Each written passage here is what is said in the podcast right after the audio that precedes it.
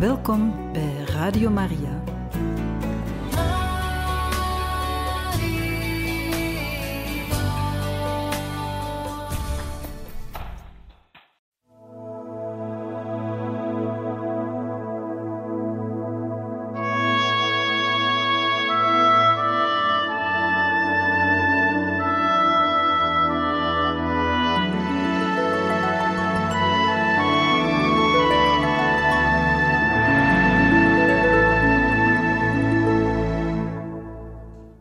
Beste luisteraars van Radio Maria, hartelijk welkom in dit programma Heilige Getuigen, waar wij vandaag beginnen met een nieuw boek over het leven van Ignatius van Loyola, geschreven door pater Jezuïet Raner. We wensen u een zeer deugddoende sessie toe. Hoofdstuk 1 Het geslacht der Loyolas Stoer verheft zich het hardstenen adellijke slot der Loyolas in het hart van de Baskische provincie Guipúzcoa. Even hecht staan het leven en het werk van de heilige Ignatius van Loyola ingebouwd in de geschiedenis van de kerk en de cultuur der 16e eeuw. Zijn heroïeke figuur heeft geen legende nodig om ons te boeien. Onverdicht wordt hier dan het verhaal van zijn leven verteld. Door middel van de prachtige foto's die Ignatius' verzonken verleden weer tastbaar oproepen. En in een levensbeschrijving die in alle bijzonderheden kan steunen op de historische documenten, welke ons in een rijke overvloed ter beschikking staan.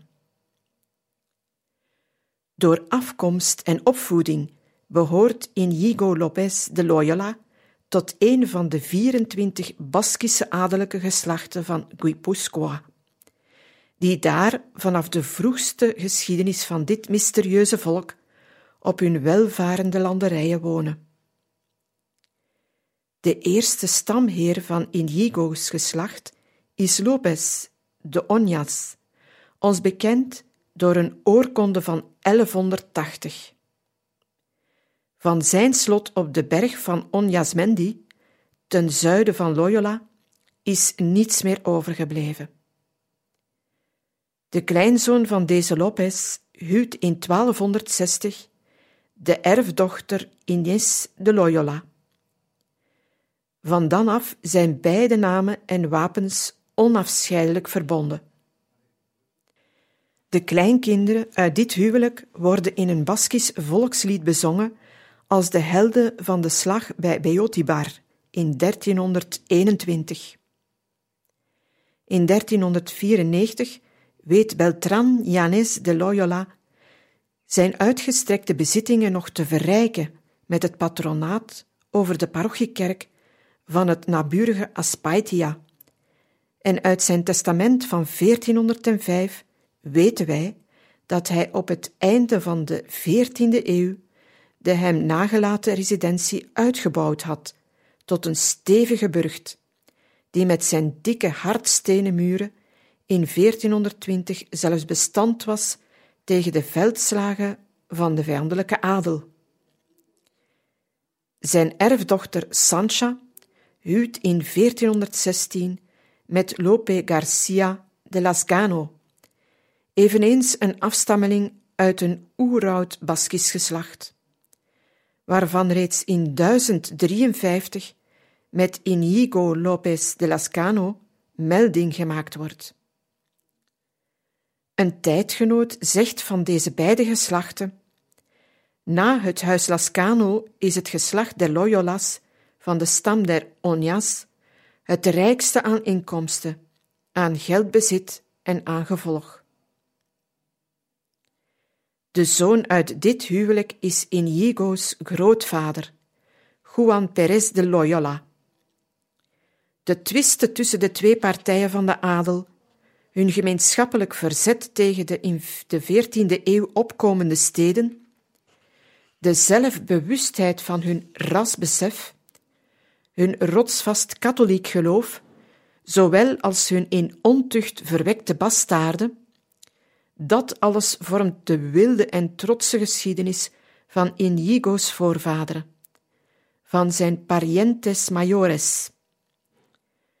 Rond de tijd dat Inigo's vader geboren wordt, neemt echter hun sociale betekenis af. De democratische steden en het machtige Castiliaanse koningshuis bieden hun het hoofd. Zeer diep heeft deze ommekeer het levenslot van Inigo beïnvloed.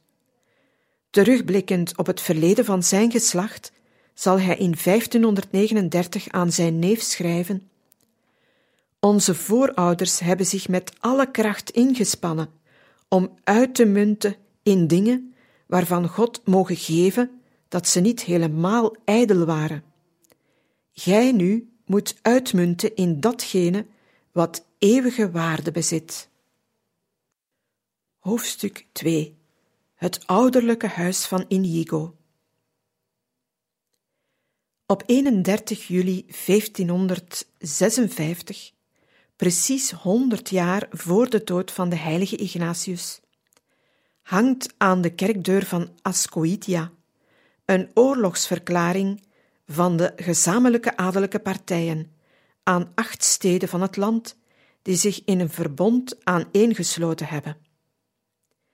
Inigo's grootvader, Juan Perez, de heer van het slot Loyola, heeft ook ondertekend: Wanneer de termijn van dit ultimatum verstreken is, zullen wij u verslaan en vernietigen. Wij zullen u, als vijanden van onze Heer Koning, alle mogelijke slagen toebrengen. Wij zullen uw bloed doen stromen tot uw ziel uit uw lichaam vloeit. We zullen u alle kwaad en schade berokkenen die we maar kunnen. Niet ten onrechte heeft een Baskische geschiedschrijver gezegd: De Loyolas waren een van de noodlottigste geslachten die ons land te verduren heeft gehad. Een van die Baskische families die boven de poort van hun woning een wapenschild aanbrachten, alleen maar om al de wandaden te rechtvaardigen die in hun leven schering en inslag waren. Dit was het begin van de strijd, die op een nederlaag van de Loyolas zou uitlopen. Met instemming van de Castiliaanse koning Hendrik IV veroverde de burgers van Aspaitia en Ascoitia de trotse en dreigende burcht der Loyolas en haalde deze neer tot aan de tweede verdieping.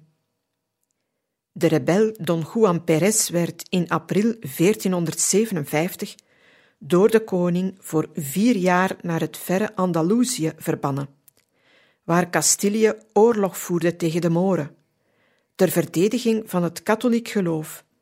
Daar kunt je met uw eigen ridders, met uw eigen wapens, op eigen kosten gaan vechten tegen de vijanden van het katholiek geloof voornoemd. Daar mocht Loyola zijn kracht gaan botvieren. Na zijn terugkeer in 1461 kreeg de heer van Loyola van de koning vergunning om zijn huis weer op te bouwen, doch wat minder stevig en trots.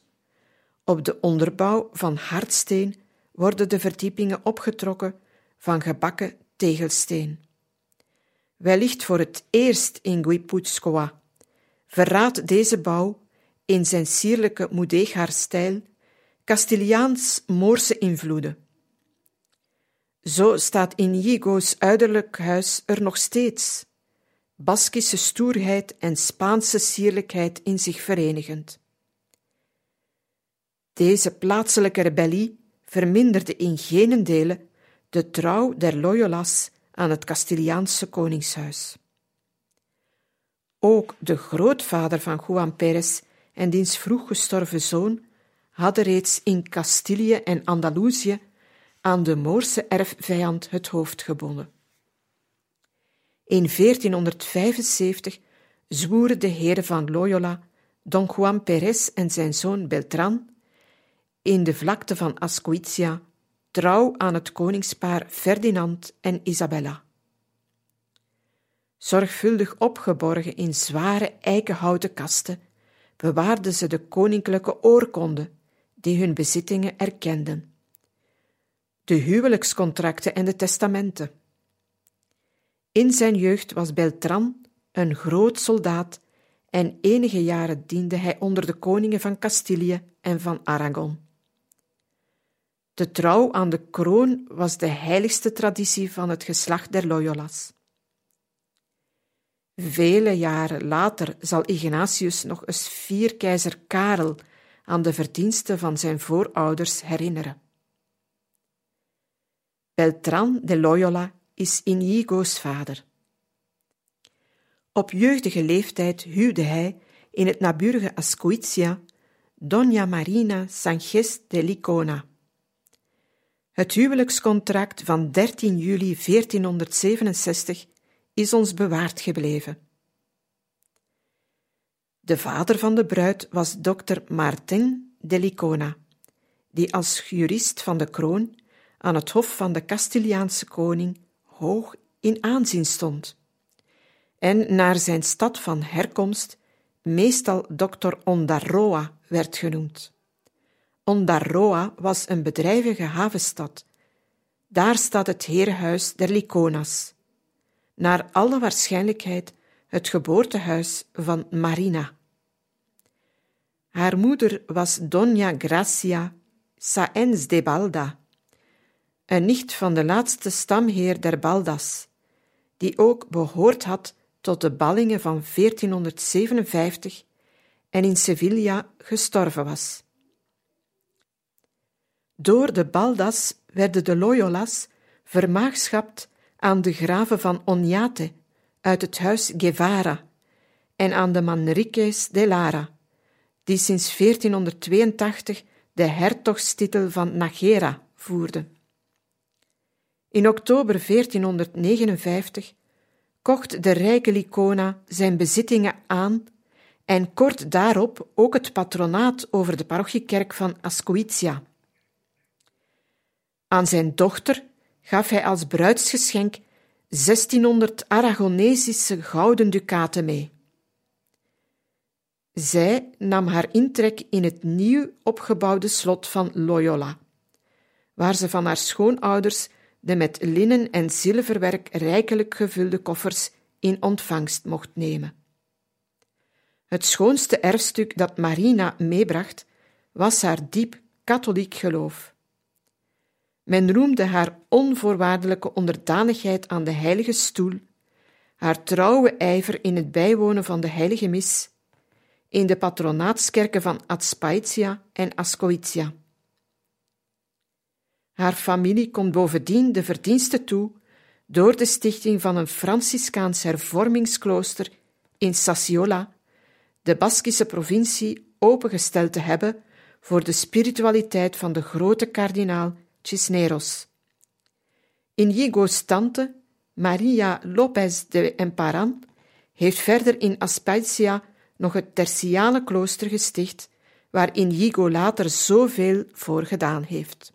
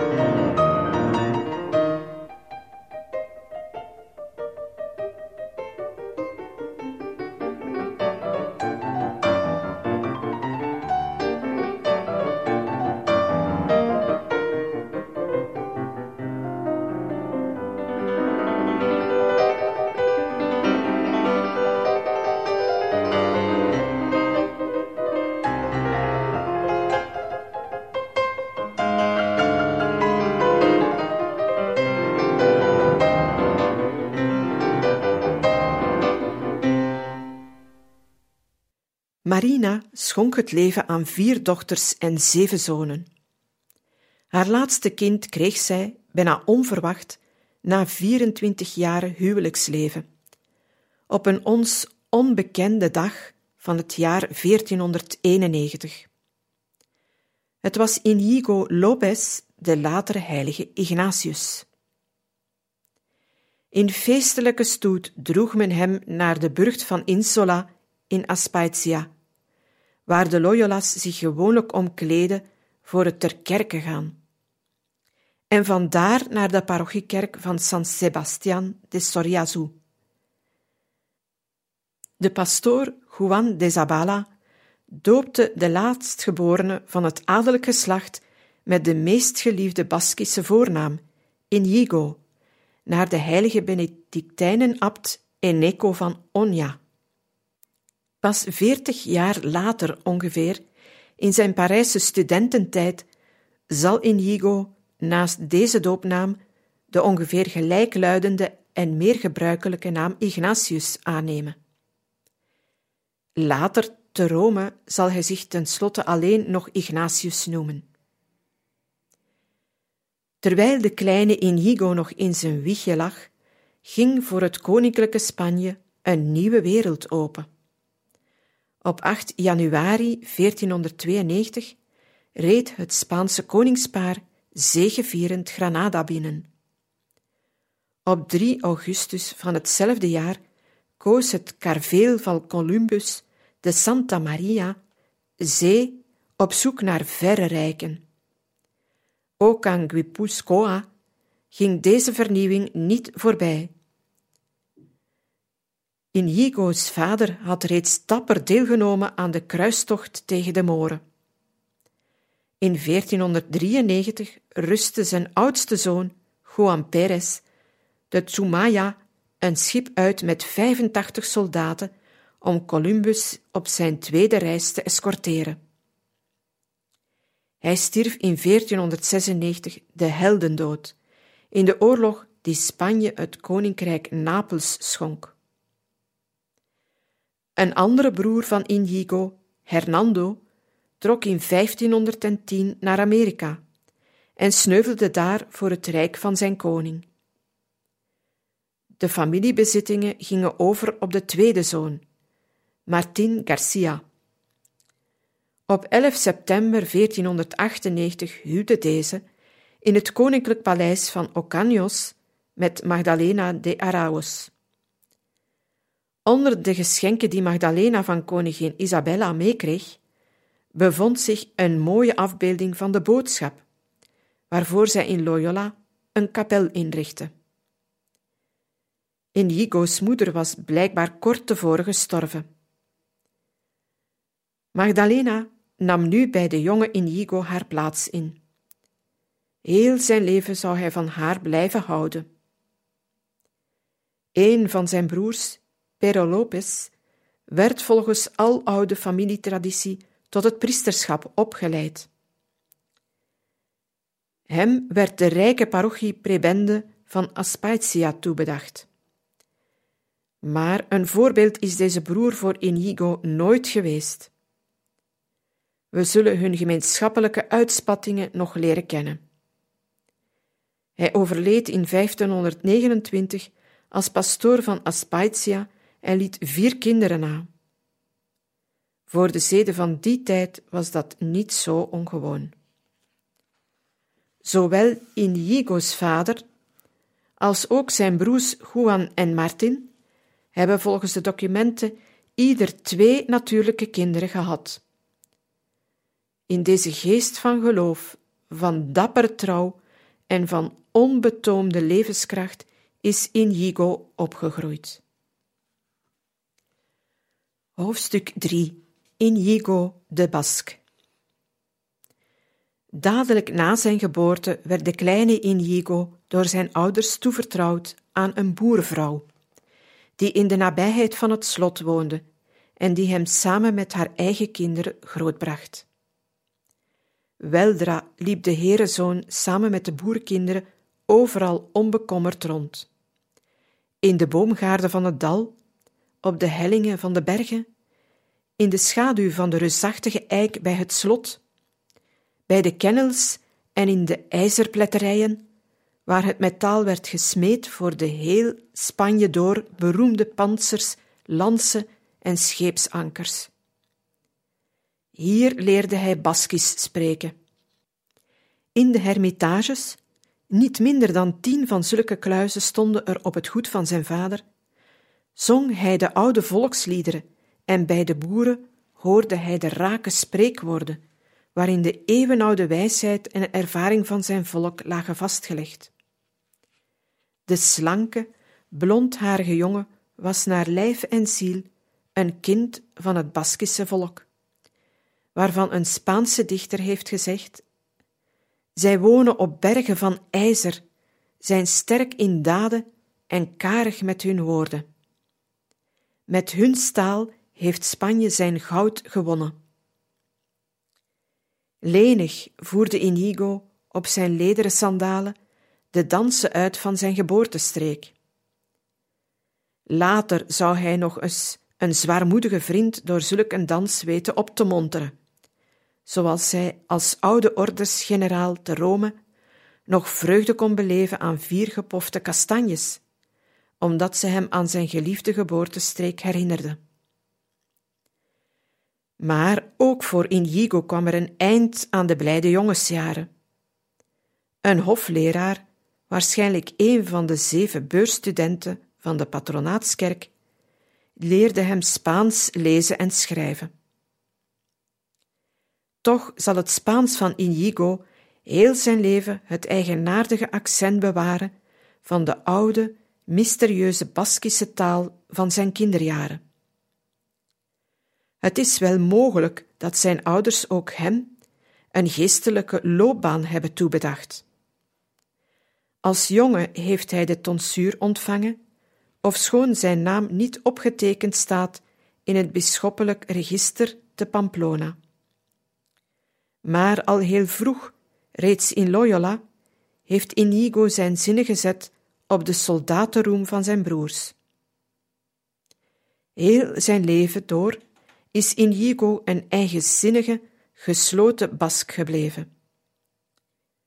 Wanneer hij reeds ordesgeneraal is, zal een van zijn gezellen nog van hem zeggen: Je moet weten dat Ignatius wel degelijk een deugdzaam man is, maar hij is een Bask, en wat die van plan is, enzovoort.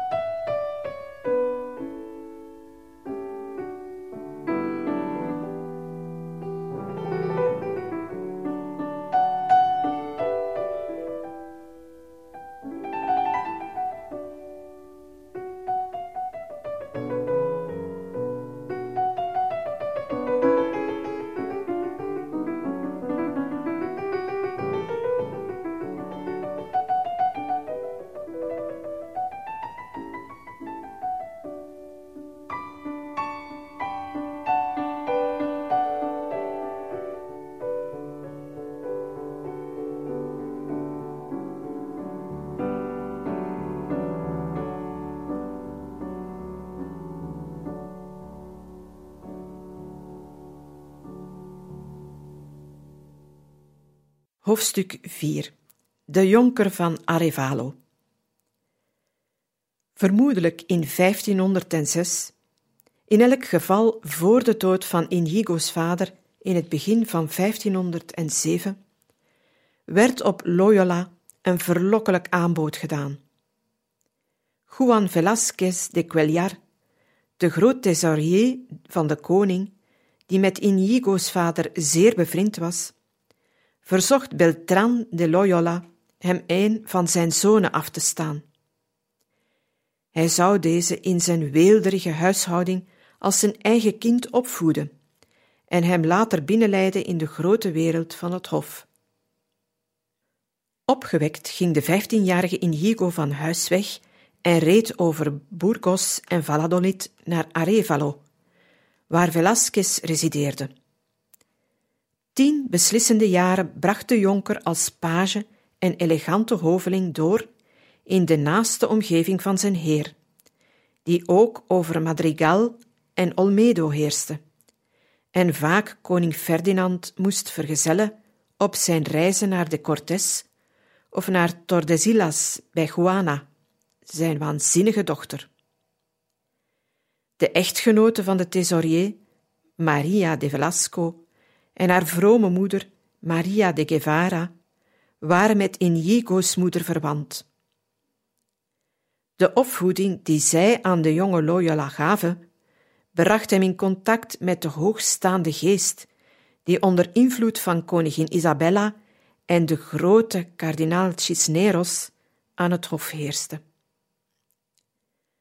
Er was echter voor een opgroeiende edelman in deze sfeer nog heel wat anders te leren.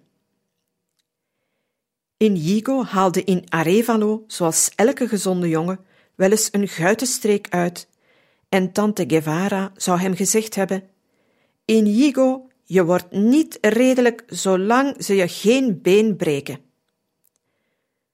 Zijn vrolijke compagnon van die dagen, Alonso de Montalvo, getuigt later dat Inigo's streven geheel op het soldatenleven gericht was. En Ribadeneira, zijn eerste biograaf, vertelt dat hij een levenslustige en keurige kameraad was, die veel hield van galanterie en goede sier. Hij was trots op zijn modieus verzorgde blonde haren en alles had hij over voor de elegantie van zijn vingernagels en zijn kledij. Maria de Guevara was toentertijd bij Germaine de Foix, de tweede echtgenote van koning Ferdinand, onmisbaar bij het organiseren van alle vermakelijkheden. En als page heeft Inigo vaak dienst gehad bij de vrolijke drink- en feestgelagen.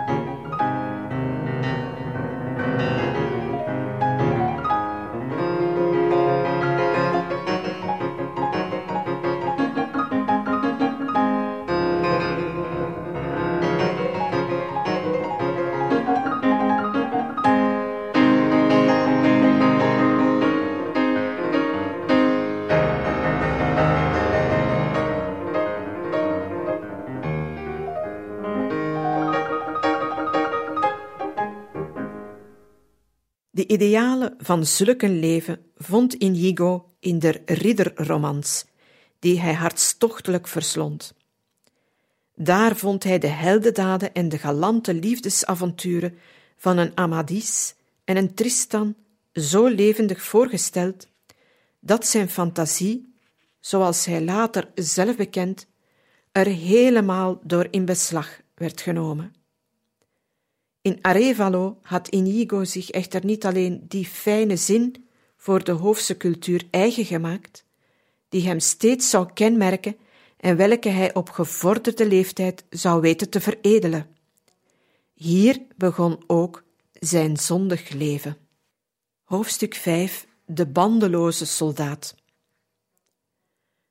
Een bandeloze soldaat wordt de Inigo van deze jaar genoemd door iemand die hem gekend heeft. De jonker had zich ontpopt tot een levenslustig officier.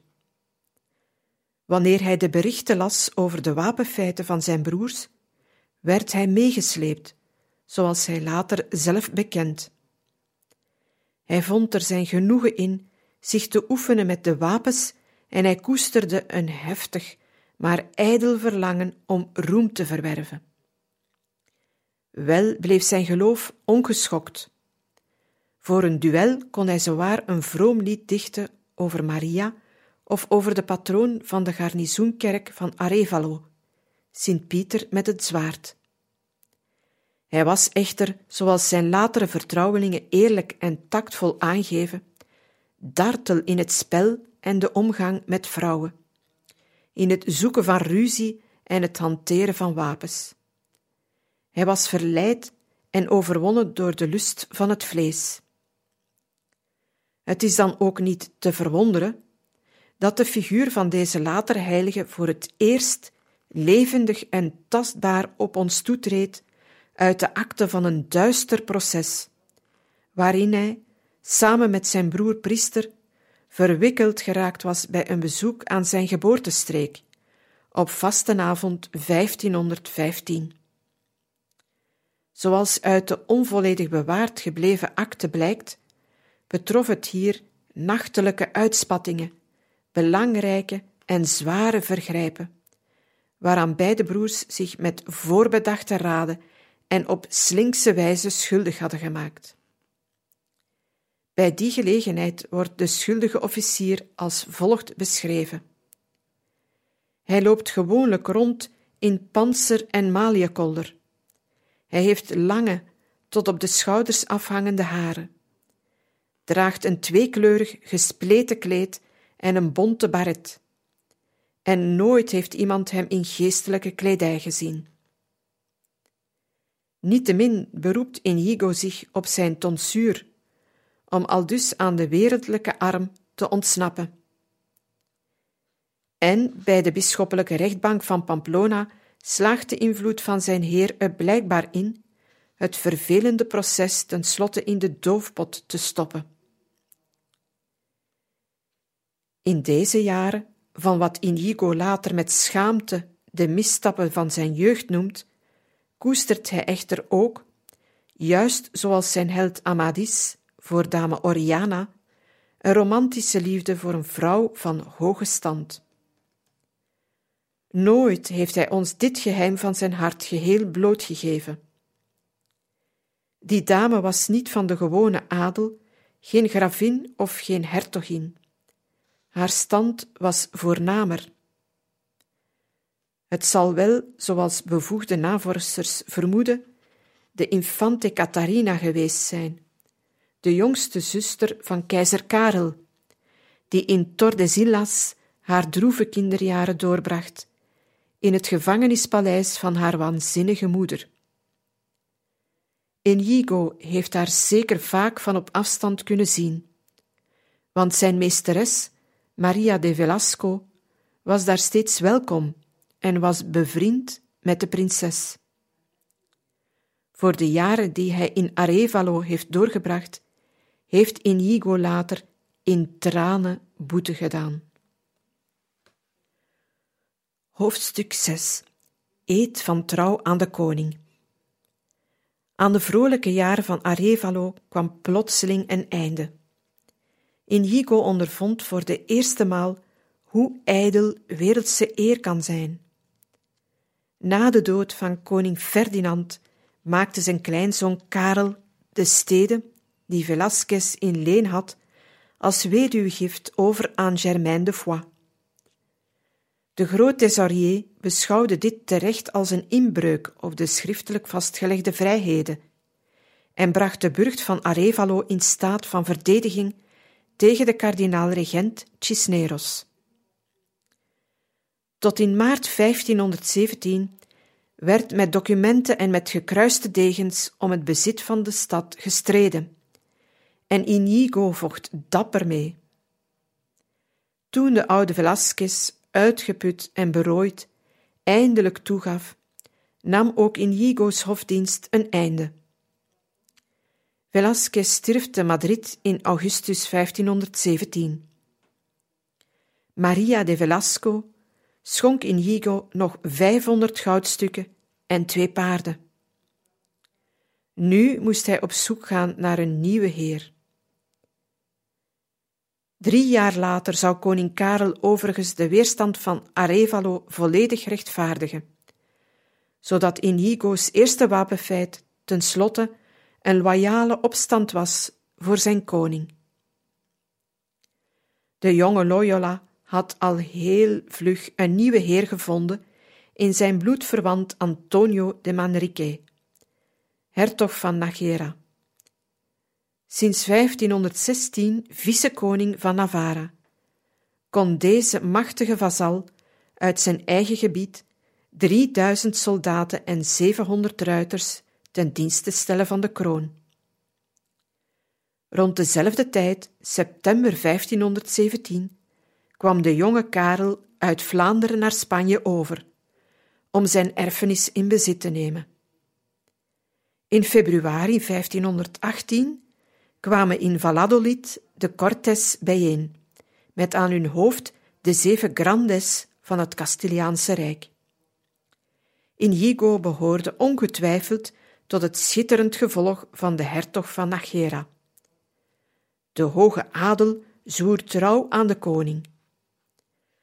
Ook Inigo's broer, Martin Garcia de Loyola, was aanwezig en kreeg op 5 maart 1518 in naam van de koning en zijn moeder Johanna verlof om zijn bezittingen in de Baskische provincie tot majoraat te verheffen. In de nacht van 12 op 13 maart liet koning Karel zijn kleine zuster Catharina, buiten weten van haar waanzinnige moeder, uit het treurige slot van Tordesillas ontvoeren. Sanderendaags had op het plein voor het koninklijk paleis in Valladolid het feestelijk toernooi plaats, dat Inigo's kleine aangebedene van op het balkon mocht bijwonen. Het was een hoogdag voor haar vereerder, bijna een vervulling van zijn Amadis-dromen. 25 ridderparen traden tegen elkaar in het krijt, Spanjaarden en Vlamingen, en een ieder spande zich verbeten in om uit te munten in de dienst van zijn koning. Karel zelf kampte ook mee. Achter de luister van deze dagen gingen echter dreigende moeilijkheden schuil. De trotse Spanjaarden koesterden argwaan tegenover die wildvreemde Vlamingen, die van de jonge koning al te veel invloed kregen in de regering. Kort na de afreis van Karel zal de opstand van de zogenaamde Comuneros uitbreken. De hertog van Najera hoorde bij de taaie aanhangers van de koning, en met hem ook Inigo van Loyola. Beste luisteraars, we beëindigen hier voor vandaag deze lezing uit het leven van Ignatius van Loyola, geschreven door Pater Raner, Jezuïet. En we gaan volgende keer verder met hoofdstuk 7, grote opdrachten tegemoet. Wij hopen dat deze lezing u gesticht heeft.